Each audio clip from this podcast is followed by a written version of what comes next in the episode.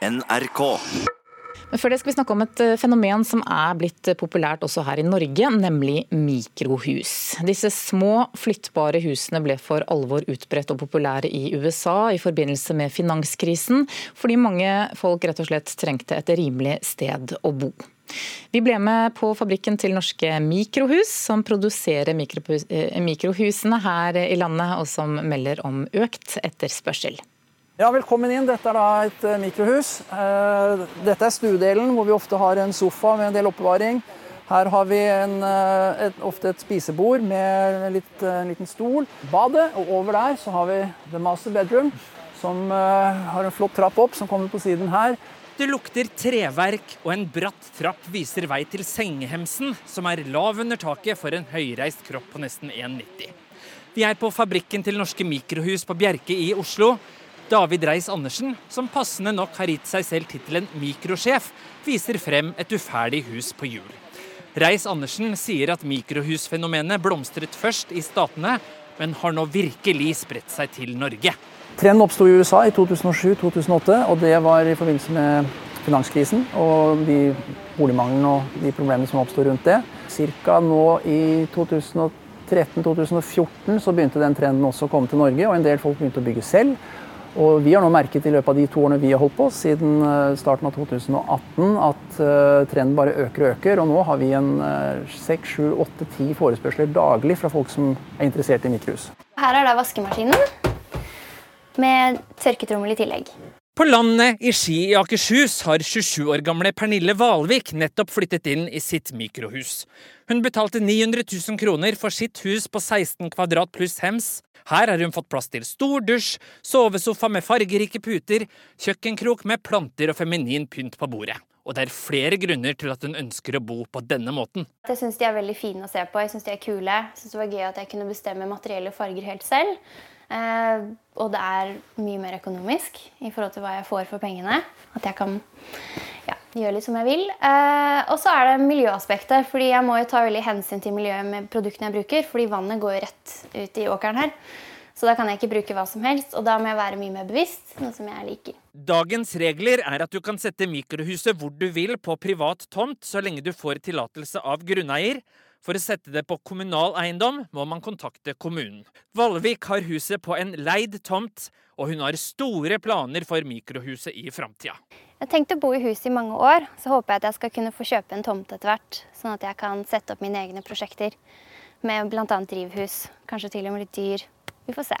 Regjeringen har skrevet i regjeringsplattformen at de vil ha et pilotprosjekt om mikrohus.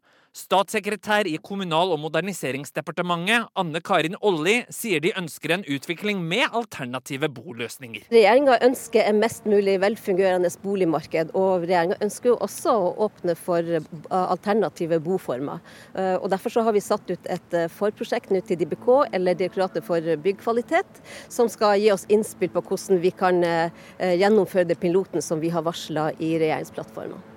Og Hva syns du om at folk skaffer seg mikrohus? Nei, Jeg syns dette er både positivt og, og spennende.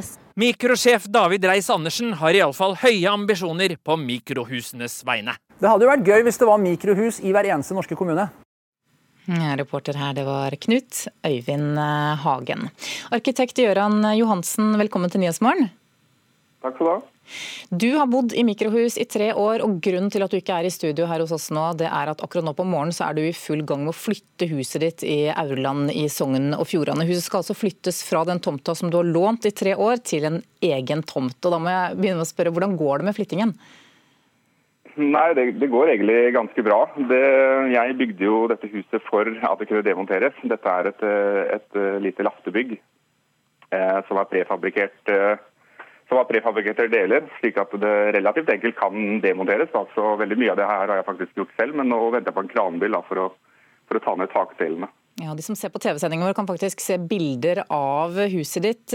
Hvorfor har du valgt å flytte fra et hus på 200 kvm i Lofoten til 19 kvadrat på, på Vestlandet?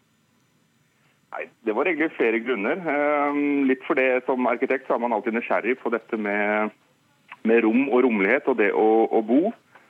Og så var det, når jeg kom til Auland, så er jo Auland er jo, eh, er jo et pressområde i forhold til boliger, og både tomter og boliger. Så Første året bodde jeg i tre-fire forskjellige kjellerleiligheter, vel. Så da bestemte jeg meg for at jeg skulle finne på et eller annet. Og da, da var alternativet å, å, bygge et lite hus for å se på hvor lite man kan bo, da, og samtidig bo relativt konvensjonelt og, og praktisk. Hva er de største utfordringene? De største utfordringene er egentlig å sortere litt hva man faktisk trenger.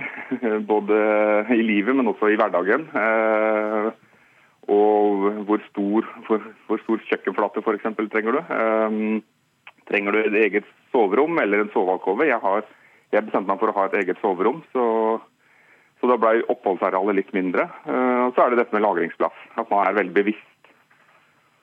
Og hva med sosiale sammenkomster? Store middager f.eks.? Nei, det går egentlig greit, altså, så lenge man er litt kreativ og, og har tenkt på dette i forkant. Jeg har hatt uh, flere middager med fem personer og, og hatt flere sammenkomster med 12-14 personer inne i, inne i, huset her, så det, det, går helt fint. Hvorfor tror du at mange velger mikrohus?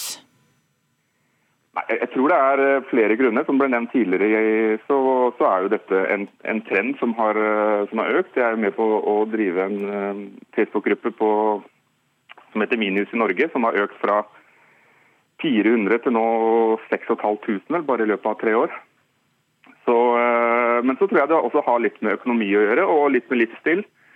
Folk vil kanskje gjerne bo, bo litt mindre, og så vil det kanskje være spesielt her i, i Sogn og Fjordane som jeg bor. Da, så er man veldig opptatt av friluftslivet og kanskje bruke uterommet mer. Eh, jeg har bodd eh, på en tomt sammen med en kollega som også har bygd et minihus. og Vi brukte rommet mellom husene veldig mye når vi hadde folk på besøk. Og, og Det gjør også at man kan bruke naturen i mye større grad. Hva, hva er forskjellen på å bo i et mikrohus eh, og en stor campingvogn f.eks.? Nei, det, det, kommer litt an på design. Da. Jeg, jo, jeg brukte jo ett år på å designe mitt hus selv og ett år på å bygge det, så jeg brukte veldig mye tid å finne ut akkurat omtrent akkurat hvor toalettskåla skulle stå, akkurat hvordan senga skulle stå. Og Det er klart, eh, det er den viktigste eh, tror jeg, delen av prosessen. Om det er eh, på 15 kvadrat eller 30 kvadrat, så, så, tror jeg det er viktig at man er del i den prosessen med å utvikle boligen. For, da, for det er klart Du må være mer presis på så små, så små rom. da. Og, og det, å, det å være med på å skape sitt eget hjem er kanskje noe som man har mistet litt de siste tida, da, hvor, hvor, man nå kjøper leiligheter som er eh, relativt like. Og så kjøper man, kjøper man på ferdighus hvor man kan ta med sin egen sofa og sine egne gardiner. Så, så, det med å ta tilbake eierskapet til sitt eget hjem tror jeg nok er også en av grunnene til at mange nå begynner å måtte bygge sine egne hjem. da. Og akkurat i dette øyeblikk så blir altså huset ditt eh, flyttet fra en tomt til en annen. Lykke til med flyttingen. Takk for at du var med her i Nyhetsmorgen, arkitekt Gøran Johansen.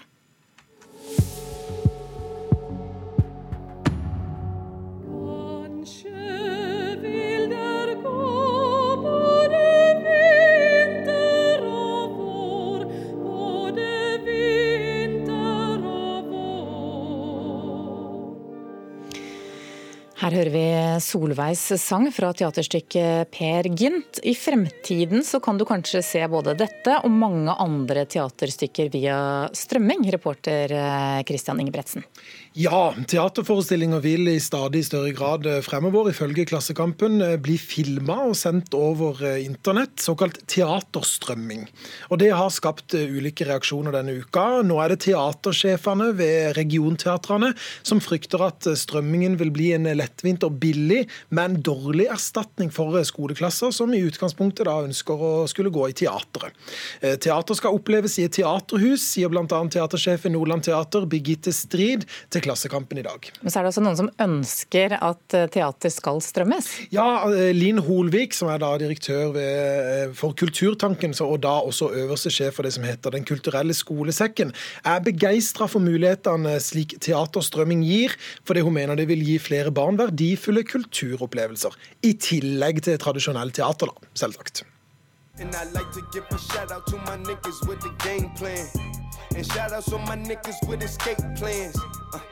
20 bands, rain dance.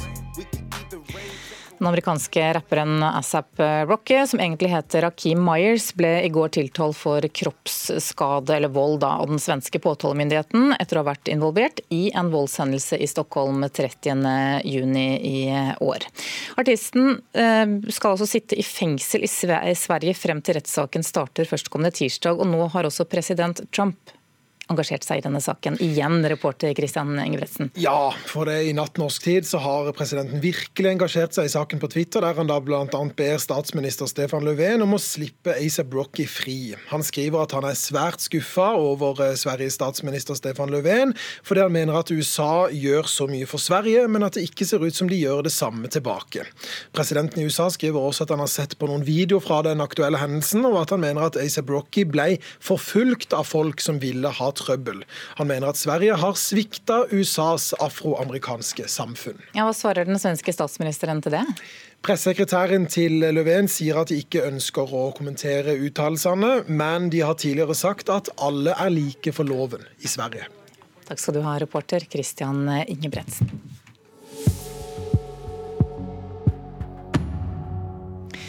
Den psykologiske thrilleren 'Terapeuten' er solgt til hele 23 land før den kommer på norsk i dag. Forfatter Helene Flod Åkvåg har vært omtalt som Norges nye krimstjerneskudd, og har fått mye oppmerksomhet i forbindelse med denne boken. Og forfatter Helene Flod, velkommen til Nyhetsmorgen. Takk for det. Hva slags bok er det du har skrevet? Det er en psykologisk thriller. Det handler om en terapeut som heter Sara, som bor i et hus med mannen sin. Og en dag så blir mannen hennes borte, så begynner det å skje merkelige ting i huset. da. Så da blir det rett og slett litt skummelt. Hvor fikk du den ideen fra?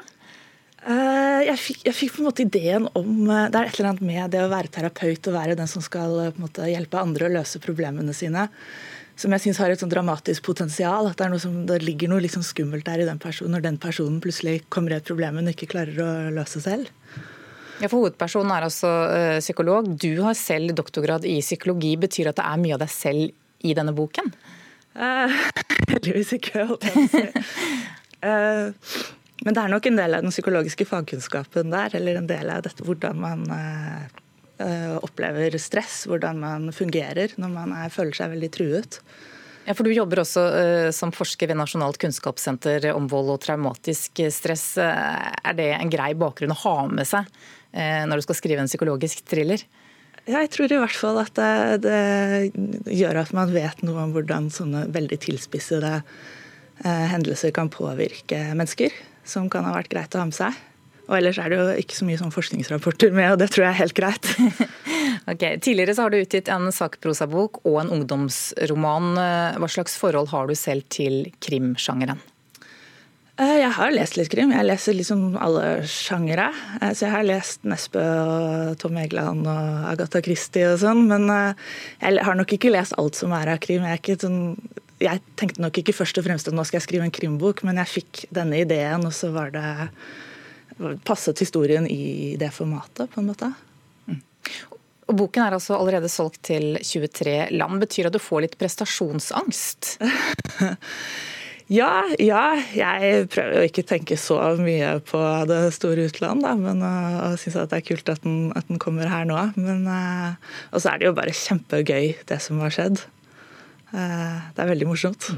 Hva er det som gjør at den har slått an, tror du? Jeg vet ikke, jeg tror nok at jeg har truffet noe i tiden. At det er noe med ja, kvinnelige mm, protagonister og psykologiske thrillere som er, er litt i tiden fordi?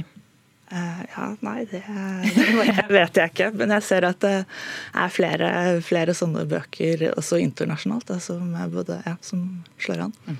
Er du i gang med nye eh, krimprosjekter? Ja, jeg har, eh, har, noe som jeg ligger og vaker. Som, eller jeg skal i gang med det nå. Mm. mm. Som er eh, i samme univers, eller? Ja.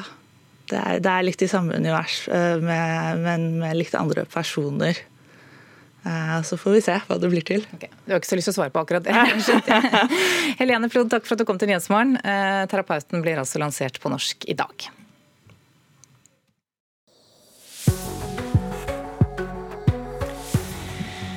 Klokka er 8.34 nå, du lytter til Nyhetsmorgen, og dette er hovedsaker hos oss. NRK beklager sketsjen fra satirisk redaksjonen som har skapt mange reaksjoner de siste dagene. Videoen blir også fjernet fra NRKs nettsider.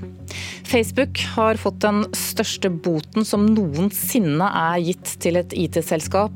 USAs forbrukervernmyndighet krever hele 5 milliarder dollar, eller godt over 40 milliarder kroner, av teknologigiganten.